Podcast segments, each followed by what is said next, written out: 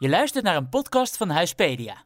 Bij het verlaten van het huis eh, zagen we aan de buitenkant nog eh, een soort van pijp uitsteken. Ja, dus wij vroegen eigenlijk een beetje van, oh, wat, wat is dat voor pijp? Maar dat bleek eh, dus een, van een olietank te zijn. Dit is De Aankoop van Je Leven. De podcast waarin jij leert hoe het kopen van een huis werkt. Voor velen een spannend onderwerp, maar als je je goed inleest, of luistert in dit geval, kan je prima zelf aan de slag.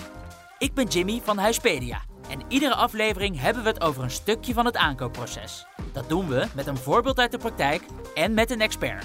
Tijd om zelf de touwtjes in handen te nemen, want als je alle afleveringen hebt geluisterd, ben je helemaal thuis in het kopen van een huis. Bouwkundige keuring en gebreken. Als je eenmaal verliefd bent geworden op het huis van je dromen, is het belangrijk om het hoofd koel te houden. Je mag dan misschien gek zijn op hoe het eruit ziet. Je wil ook zeker weten dat er geen vervelende verrassingen op je pad komen. Daarom wil je scherp zijn op gebreken in het huis. Zaken die later voor een hoop ongemak en kosten kunnen zorgen. Maar als je nog nooit een huis hebt gekocht, hoe spot je die dan? Hoe verklein je de kans dat je een huis koopt met gebreken? En hoe kan een bouwkundige keuring daarbij helpen? We gaan het er vandaag over hebben met twee gasten. Onze expert van vandaag is architect Flip van Meurs, die alles kan vertellen over hoe je een gebouw kan doorgronden en kan bepalen wat er veranderd kan en moet worden. En verder gaat Roy Muldijk zijn verhaal delen. Hoe liep hij tegen gebreken aan bij de koop van zijn huis? En belangrijker nog, hoe is dit opgelost? Welkom Flip. Dank je. Welkom Roy. Dankjewel. Roy, wie heb ik hier tegenover me zitten? Yes, eh, Roy Muldijk, 30 jaar oud en eh, ik woon in Capelle aan de IJssel, naast Rotterdam. Ik werk in het dagelijks leven als eh, agile coach, waarin ik dus bedrijven help om eh, sneller meerwaarde voor klanten te leveren. Dat doe ik op dit moment ook eh, in Rotterdam. Leuk. En uh, je hebt uh, recent ook een huis gekocht? Ja, klopt. Ja, ja we zijn verhuisd vanuit uh, Rotterdam terug naar Capelle aan de IJssel, waar zowel mijn vriendin als ik oorspronkelijk ook vandaan komen. Oké, okay, nou ja, gefeliciteerd in ieder geval met de aankoop van je huis. hoe verliep dat? Ja, we zijn uiteindelijk denk ik een maandje of tien op zoek geweest. Met we moet ik eigenlijk zeggen voornamelijk uh, mijn vriendin. Die heeft wel het meeste zoekwerk gedaan. Nou ja, dus in eerste instantie gezocht binnen Rotterdam. Maar uiteindelijk toch gekeken van hè, wat is een, een beetje toekomstbestendig huis. En ja, dan zie je toch dat je buiten de grote stad uh, net wat meer ruimte voor je euro's krijgt. Dus, en wat uh, bedoel je dan met toekomstbestendig huis? Ja, dus mogelijke gezinsuitbreiding. we naderden toen allebei de eind 20 dat je niet uh, met drie jaar weer op zoek bent naar wat anders. Nee, precies. Dus echt iets voor de langere termijn. Ja, klopt. En dat ja. was in Rotterdam, was dat uh, lastiger qua prijs en wat jullie wilden dan uh, in Capelle aan de IJssel, waar je nu bent terechtgekomen. Ja, klopt. Ja, het is als je de maandlasten redelijk wil houden, dan ja, krijg je net wat meer waar voor je geld buiten de grote stad. Ja. ja, ja. En toen zijn jullie naar, naar Capelle gaan, gaan kijken. Um, was het bij het eerste huis meteen raak? Nee, dit is het tweede huis waar we een bod op uh, hebben gedaan. Het eerste huis uh, werd hem echt net niet. Uh, achteraf ben je net blij op natuurlijk. dit tweede huis ja, heeft ons uiteindelijk hebben een tweede keer een bieding moeten doen. Om, ja, omdat we de eerste partij die, die trok zich terug. en wij zaten blijkbaar dicht bij de derde partij. Dus ons werd gevraagd om iets te verhogen. En dan zouden we, zou het huis van ons zijn. Oké, dus, dus jij had geboden, de derde partij had ook een goed bod. En toen hebben ze tegen jullie gezegd, uh, verhoog het nog en dan is het van jullie. Ja, verhoog het nog en dan bellen we de derde partij niet. Dus, dan bellen we uh, de derde partij Ja, niet. klopt. Er zat er wat druk achter, ja. Oké, okay, uh, ja. Okay, ja, dat is, dat is bijzonder. Maar goed, we gaan het niet te veel over het, over het bieden hebben. Daar hebben we een andere aflevering over, over online bieden en het biedlogboek. Je zei overigens ook nog even terug bij het eerste huis. Uiteindelijk blij dat dat, niet, dat, dat het niet is geworden. Omdat het tweede huis eigenlijk nog beter was en meer waar voor je geld? Of? Ja, ik, ik, ik, denk het wel. Uh, ik denk sowieso meer waar voor, voor ons geld, maar ook um, omdat je achteraf denken van ja, hadden we daar nou willen wonen? En uh, het, het, is best wel lastig als je wat langer op zoek bent in de huizenmarkt in, van 2021. Ja, dat je op een gegeven moment ja, toch wat minder kritisch gaat zijn en wat sneller denkt van nou, weet je, laten we het maar gewoon proberen. En terwijl je als je echt denkt van ja, wil je hier wonen? ja, achteraf gezien denk ik dat we dat daar niet hadden willen doen. Dus blij, blij het gelopen is. Ja. Dus eigenlijk hoe langer je zoektocht ook wordt, hoe uh, meer flexibel je misschien wordt in, uh, in je wensen. Ja, tuurlijk. Hè. Je merkt überhaupt wel dat je uh, het, het, initiële bedrag waarvoor je denkt dat je wil gaan kopen, nou, dat verhoog je een paar keer, omdat je toch merkt van nou, we krijgen wel erg weinig zoekresultaten. Um, maar ja, ook een stukje voorbouw van financiering of technische keuring, dat je denkt van ah, als we dat loslaten, maken we het onszelf dan makkelijker, zijn we dan een interessantere partij ja, dat zijn dingen waar je dan op een gegeven moment over gaat nadenken. Uh, omdat het zeker toen de tijd heel erg lastig was. Ja, En nou ja, de tweede keer bij het tweede huis waar je een bod op doet, wordt gevraagd om nog een keer bod te verhogen. Dat doen jullie. En dan heb je het, het tweede huis. Ja. Of daar, jouw eerste huis, maar het, tweede huis dat jullie op ogen hadden. Ehm, was je eigenlijk blind verliefd toen je bij dat, bij dat huis naar binnen ging? Nou, ik denk niet blind verliefd. Ik denk wel wat, dat we de mogelijkheden zagen. Hè? Dus het was echt uh, prima bewoonbaar. Uh, maar ja, je hebt toch je eigen smaak. En daar zagen we echt wel veel potentie in. Dus ja, daar, daar waren we wel enthousiast over, over de mogelijkheden. En als je er dan enthousiast over wordt, is het dan lastig om je enthousiasme een beetje onder controle te houden? Kijk je dan ook nog naar, oké, welke dingen zijn, zijn, zijn niet goed? Of wordt dat lastiger? Ja, daar proberen we nog wel redelijk kritisch in te zijn. En uh, ja, daarin doet, ja, heeft mijn vriendin echt wel de huiswerk, haar huiswerk gedaan. En, en, en heeft zij dat beter opgepakt nog uh, om daar met een kritisch oog naar te kijken. Uh, dus ja, op die manier ook uiteindelijk de bouwtechnische keuring erbij gehaald. Ehm, dus ja, uiteindelijk denk ik dat we er wel goed naar hebben gekeken. Oké, want hebben jullie voordat jullie hebben geboden een bouwtechnische keuring gedaan of daarna? Nee, dus onder voorbehoud van, van die bouwtechnische keuring. Ehm, en wat dus hield dat voorbehoud dan in? Ja, dat volgens mij tot een bedrag van 5000 euro uh, eigenlijk van onvermijdelijke kosten. Uh, die op korte termijn uh, ja, gedaan zouden moesten worden. Dat het dan daarop zou, nog zou kunnen afketsen. Ehm, dus nou, we hebben toen op korte termijn die bouwtechnische keuring gepland. Nou, daar kwam, kwamen een paar kleine dingen uit. Van oké, verf die gedaan moet worden of, of wat, wat kleine punten. Alleen ja, bij het verlaten van het, um, van het huis zagen we aan de buitenkant nog een een, ja, een soort van pijp uitsteken. Dus wij vroegen eigenlijk een beetje van, oh, wat, wat is dat voor pijp? Ja, nou, dat, uh, daar hadden wij dus geen verstand van, maar dat bleek uh, dus een, van een olietank te zijn. Een olietank? Ja, een olietank. En nou, van wat wij begrepen, werden die we in het verleden was in de voortuin geplaatst. ik denk voor, voor de verwarming van het huis. Nou, deze werd, was niet terug te vinden op, op de bouwtekeningen die we bij de gemeente hadden opgevraagd. dus ja, die zou later geplaatst zijn. Um, nou, we hebben toen contact opgenomen, ook omdat we dachten van ja, dadelijk hebben we het met vervuilde grond te maken. Hebben we contact opgenomen met DCMR, dus de Milieudienst in, in de regio Rijnmond. Uh, die zeiden eigenlijk van ja, alle olietanken moeten bij ons aangemeld zijn. En dat is deze dus niet. Dus daarom zou die dus uh, off the record geplaatst zijn ooit. Dus nou ja, wij dachten van oké, ja, we hebben iets te maken met wat eigenlijk niet bekend is, wat wel narigheid kan betekenen. Dus wij hebben toen aangegeven, ja, we willen eigenlijk wel graag weten van wat hier de situatie is. Uh, ligt hier een olietank? Zo ja, wat is de status? Lekt deze? Um, om, ja, het, anders kan het behoorlijk in de papieren lopen als je echt uh, de grond moet saneren. En het is überhaupt natuurlijk niet echt een, uh, een heel fijn idee om een olietanker ergens rondom je huis te hebben. Nee, klopt. Uh, de, de makelaar zei, uh, ja, het is niet alsof je hier groente wil verbouwen, toch? Uh, nou, we dachten eigenlijk, ja, dat zou met de tijd best wel leuk zijn in de tuin. dus die deed er nogal, die bagatelliseerde dat best wel. Beetje laconiek, ja. Ja, zeker. Ja. Die zei, als je het maar niet ergens meldt, dan is het goed. Nou, ja, dat, die wilde eigenlijk dat je het niet ging melden? Ja, die, die vond dat wij heel moeilijk deden. wij hebben dat toen, nou, wat ik zei, bij de DCMR nagevraagd. Die zeiden toen eigenlijk van, nou ja, nu weer vanaf weten. Uh, hij moet eruit. Want ja. dat, is, uh, dat is het beleid. Dus uh, als de nu huidige bewoners dat niet doen, dan staan we binnen een jaar bij jullie op de stoep om dat, dat te realiseren. Dus dachten we, nou, dat, dat gaan we niet doen. Dus nee. nou, dat was het begin van, van ja, wat narigheid. Ja. Oké, dus je hebt geboden um, onder voorbehoud van een bouwtechnische keuring. Die bouwtechnische keuring vindt plaats. Dan blijkt in één keer dat er een, een olietank in zit. of in ieder geval een pijp die naar een olietank zou moeten leiden. Daar moet op korte termijn wat aan gedaan worden. Wat is er toen gebeurd? Ja, dus mijn vriendin eh, die is daar toen opgedoken. Uh, die heeft sowieso gekeken wat onze rechten daarin zijn. En, en uh, ook als we de eigenaren zijn, onze plichten. dus eigenlijk zijn we toen, nou ja, de strijd klinkt wat zwaar, maar wel gewoon een discussie aangegaan met, met de toenmalige bewoners. Van ja, we willen eigenlijk sowieso die tank verwijderd hebben. En er moet een onderzoek komen van, van de grond. Uiteindelijk ja, is dit best wel vaak heen en weer gegaan, omdat zij daar niet in meegingen. En zij zeiden eigenlijk van ja, we kunnen ook gewoon uh, een paar duizend euro van, uh, van de kopersom afhalen. Uh, ja, we dachten van ja, maar het kan in de tienduizenden euro's lopen ja. als je de, de, grond moet saneren. Dus uiteindelijk, ja, wetende wat, wat onze rechten daarin waren, ja, en mijn vriendin heeft dat allemaal verzameld, zijn zij uiteindelijk erin meegegaan om ja, die kosten op zich te nemen.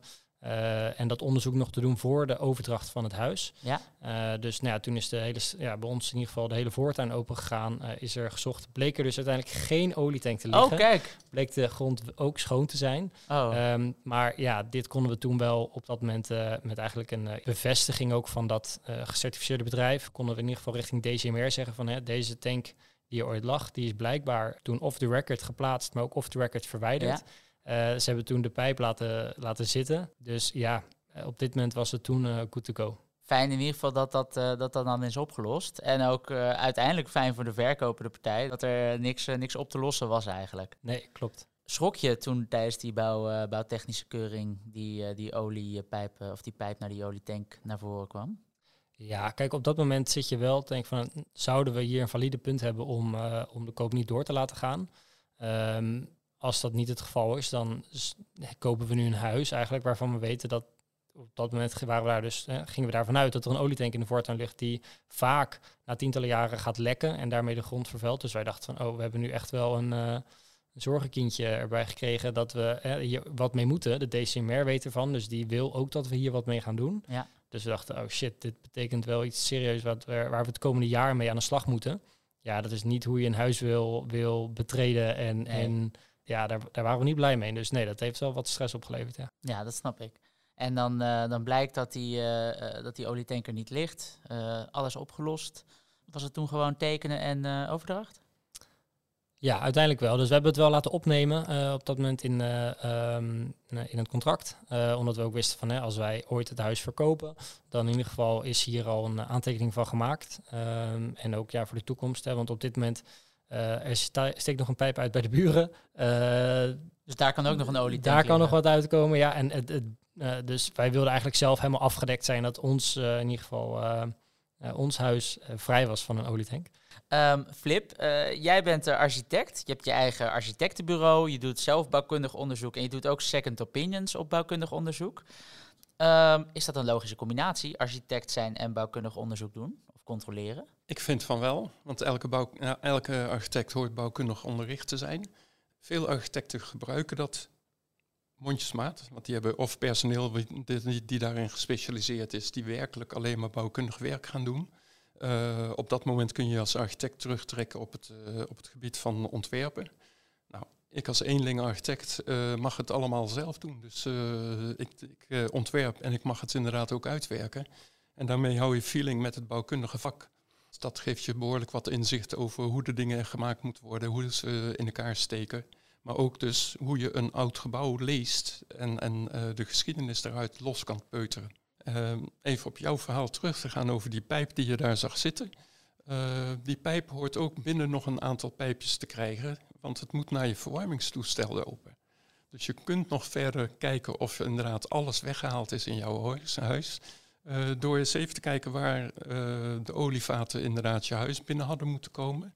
En waar dan de aansluiting naar jouw eh, ehm, verwarmingssysteem zit. Want als, als dat soort pijpjes er nog zitten, ja, dan zou je daar nog eventueel wat mee kunnen doen of niet. Eh, dat Kijk, is er aan wordt hier gewoon live bouwtechnisch eh, onderzoek gedaan. Dankjewel, daar, daar moeten we nog even naar kijken, ja. Ja. Heb je zelf in het verleden al een huis gekocht? Ik heb een hu- huis gekocht, eh, maar eentje. Dus ik woon nog steeds in mijn eerste huis. Dat klopt. En dat was eh, niet een zelf ontworpen huis, neem ik aan. Het is wel zelf uitgewerkt, dus eh, ik weet alles van dat huis. Omdat ik zo'n beetje alle tekeningen gemaakt heb en, en, en de maatvoering nog steeds in mijn kop zit van hoe het in elkaar steekt. Dus ik weet alle ins en outs. We hebben alleen heel mondjesmaat bouwbegeleiding gehad toen de tijd. En dus in de, in de bouw kunnen de dingen nog wijzigen, Ja. waardoor je eh, andere materialen gaat krijgen, waardoor je of eens eh, met een leerling bouwplaats te maken krijgt, waardoor ehm, de techniek van ervaren mensen toch wat anders in elkaar steekt dan eh, die van de leerlingen. Ja. En, en dat soort mankementjes zie je wel aan het huis. Waar Ja. moet ik dan aan denken? Simpel kalkzandsteen dat niet goed gelijmd zit, waardoor je elk steentje gaat aftekenen.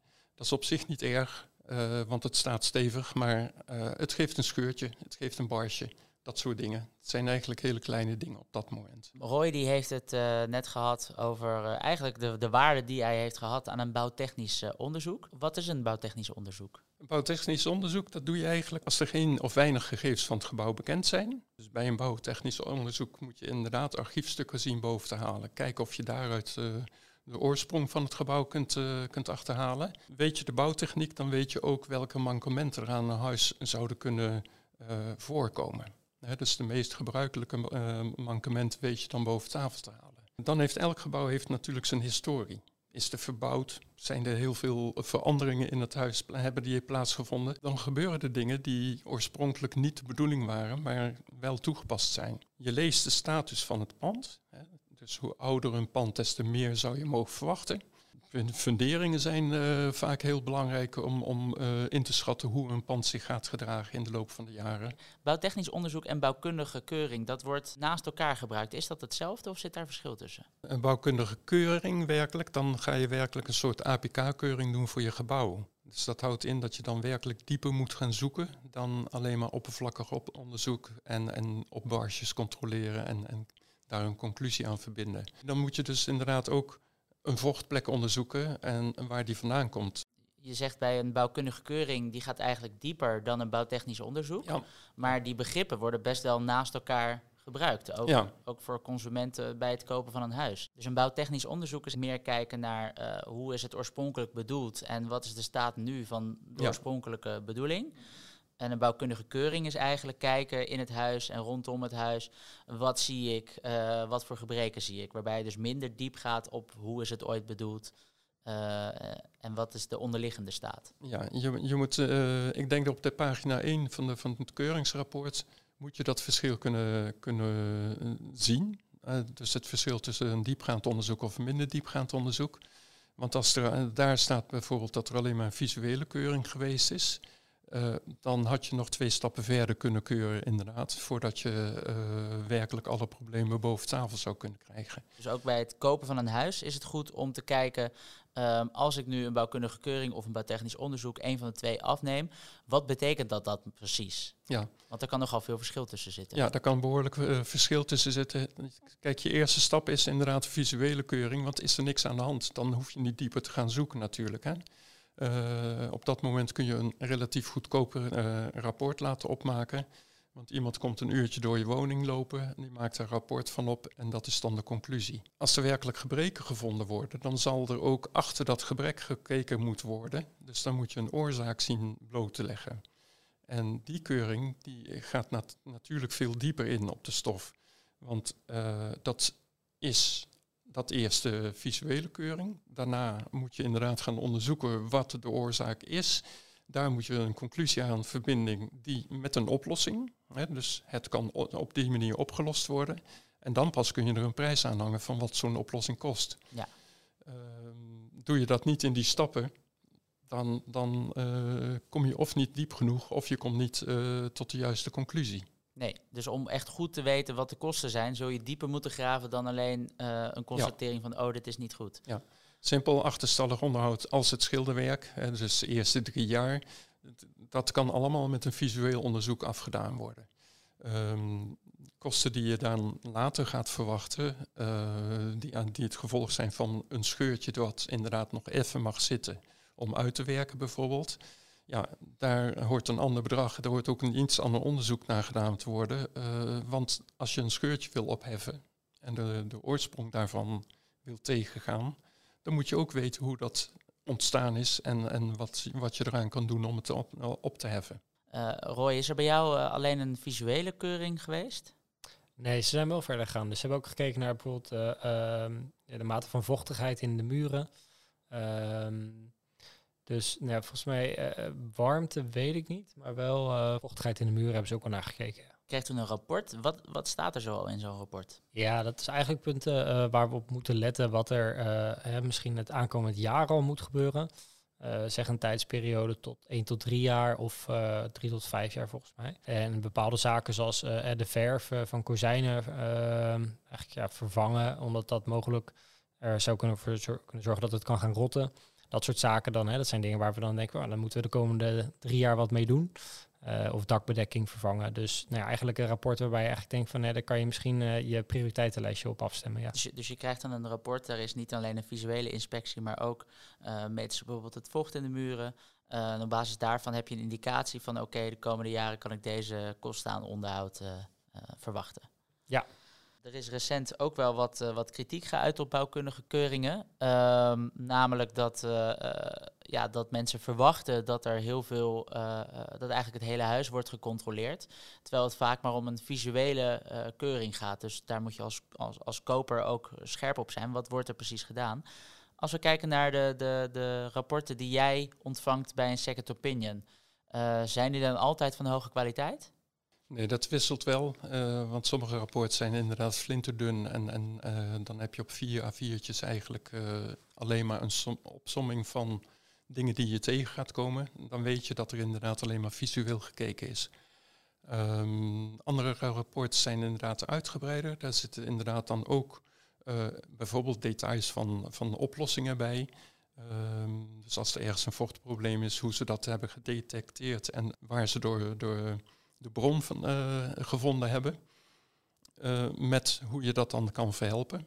Um, dat, dat klinkt al als een heel goed rapport, namelijk. En uh, dat geeft iets dieper gaan dan alleen maar de constatering dat. Ja, ja. En waarom is het belangrijk om zo'n onderzoek te doen? Als jij twijfelt over wat je gaat kopen, dan is het heel belangrijk om een bouwtechnisch onderzoek te doen. Want daarmee krijg je eigenlijk een stuk in handen dat je inzicht geeft over jouw huis. Eerlijk gezegd, als ik naar huizen ga kijken, dan zou ik liever een onopgeknapt huis willen zien dan een heel mooi opgeknapt huis. Want daar waar het stukwerk net nieuw is en het schilderwerk piekfijn in orde is, daar mag je juist verborgen gebreken uh, tegenkomen. Uh, want alles ziet zo fijntjes in orde dat als dat twee jaar later begint te scheuren, dan pas komt het gebrek wat er in het gebouw zit eigenlijk aan de orde, uh, naar boven toe. Dan pas je dus zien wat er aan de hand is. Zie je een, een niet opgeknapte woning, dan zit hij waarschijnlijk vol met scheurtjes. Nou, veel scheurtjes zijn helemaal niet erg, want materialen werken, er rijdt een auto langs en dan eh, ontstaat er trilling. Uh, binnenmuur scheurt los van de buitenmuur bijvoorbeeld, omdat het een heel ander materiaal is dan waar de buitenmuur van gemaakt is. Dat kun je ook weer netjes wegschilderen en als je dat drie keer gedaan hebt, dan blijft het voortaan weg, want dan zijn die materialen uitgewerkt. Dus er zijn scheurtjes die helemaal niet erg zijn. Maar vind je ergens uh, boven een, kozijn een scheur, uh, dan kan dat inhouden bijvoorbeeld dat er een te zwakke latij is toegepast. Als die balk begint te scheuren, en dan heb ik het eigenlijk niet over de haarscheurtjes die meteen bij de oplegging zichtbaar zijn, want dan heb je het weer over twee materialen die ten opzichte van elkaar werken. Maar er ontstaat een scheur die, die een beetje schuin wegloopt.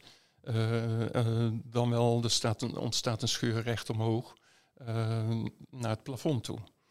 En ook als die dan in het plafond nog eens een keertje zichtbaar wordt, dan gaan er toch echt wel bellen rinkelen. Want dan gebeurt er iets in die muur, um, wat ook consequenties heeft voor bijvoorbeeld de bovenliggende vloer.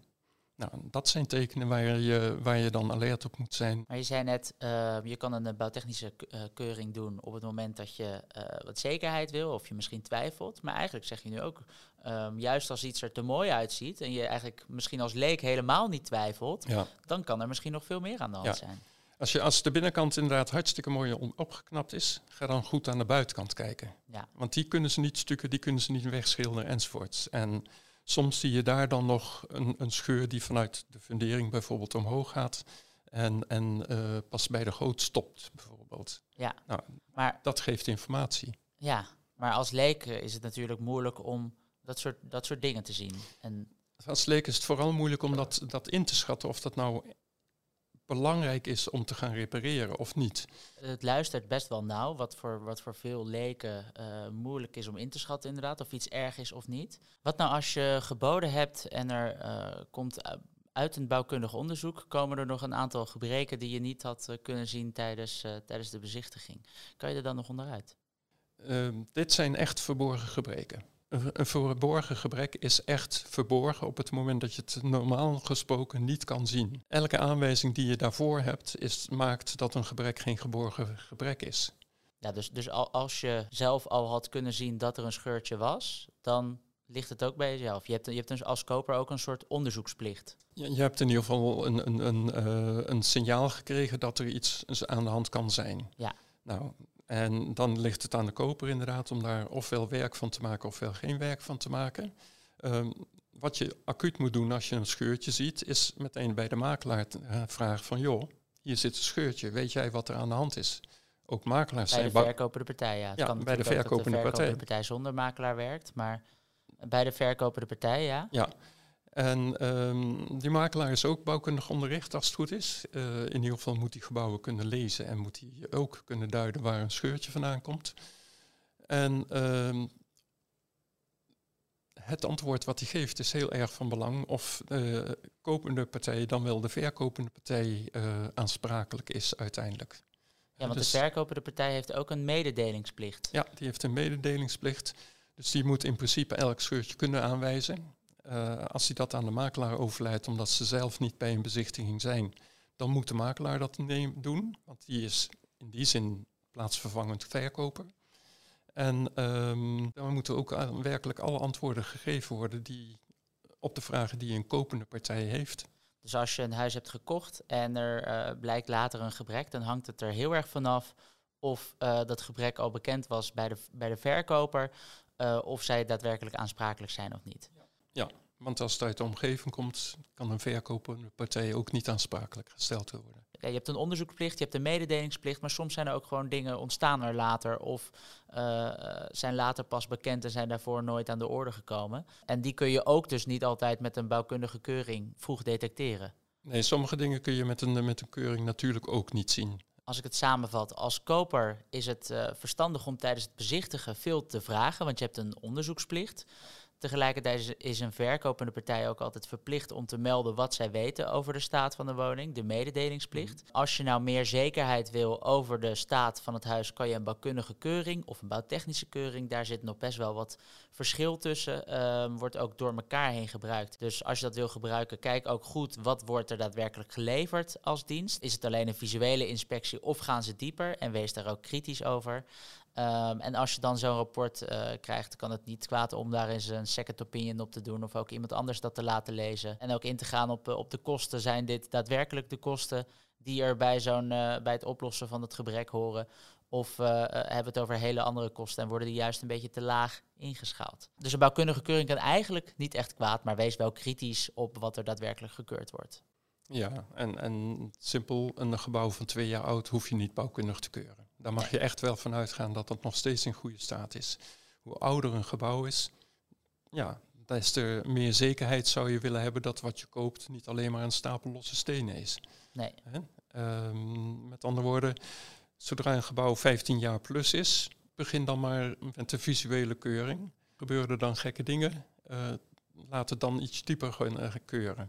Als een gebouw 30 jaar plus oud is, uh, laat het dan in één keer goedkeuren. Ja. Dus dus daar, daar, hangen prijskaartjes aan natuurlijk, maar dat loont de moeite naarmate het gebouw ouder is. Volgens mij de, de, de visuele bouwkundige keuring die, uh, die beginnen ergens van rond de 300 euro. En eigenlijk hoe dieper je gaat, hoe meer, uh, dat, uh, hoe meer werk het is en hoe meer het ja. zal kosten. Ja. Er zit, er zit een, nog een bypassje in, want als je een gebouw hebt van vijf jaar oud en er is al door drie verschillende bewoners aan verbouwd, Laat het dan ook alsjeblieft keuren. Want uh, ja, heel simpel, mensen willen snel groot voor weinig geld. Ja. En dat houdt ook in dat je soms met kwaliteit uh, uh, gaat spelen. Uh, Roy, bedankt. Flip, bedankt. Als luisteraar, bedankt voor het luisteren. Vergeet ook niet onze andere afleveringen te luisteren, zodat je zelf goede keuzes kan maken rondom de aankoop van je woning. Zit je te luisteren en heb je nog vragen? Stuur dan een mailtje naar info@huispedia.nl en vergeet je niet te abonneren of onze podcast te volgen in je favoriete podcast-app. Dan krijg je ook meteen een melding als er een nieuwe aflevering online staat. Tot de volgende aflevering.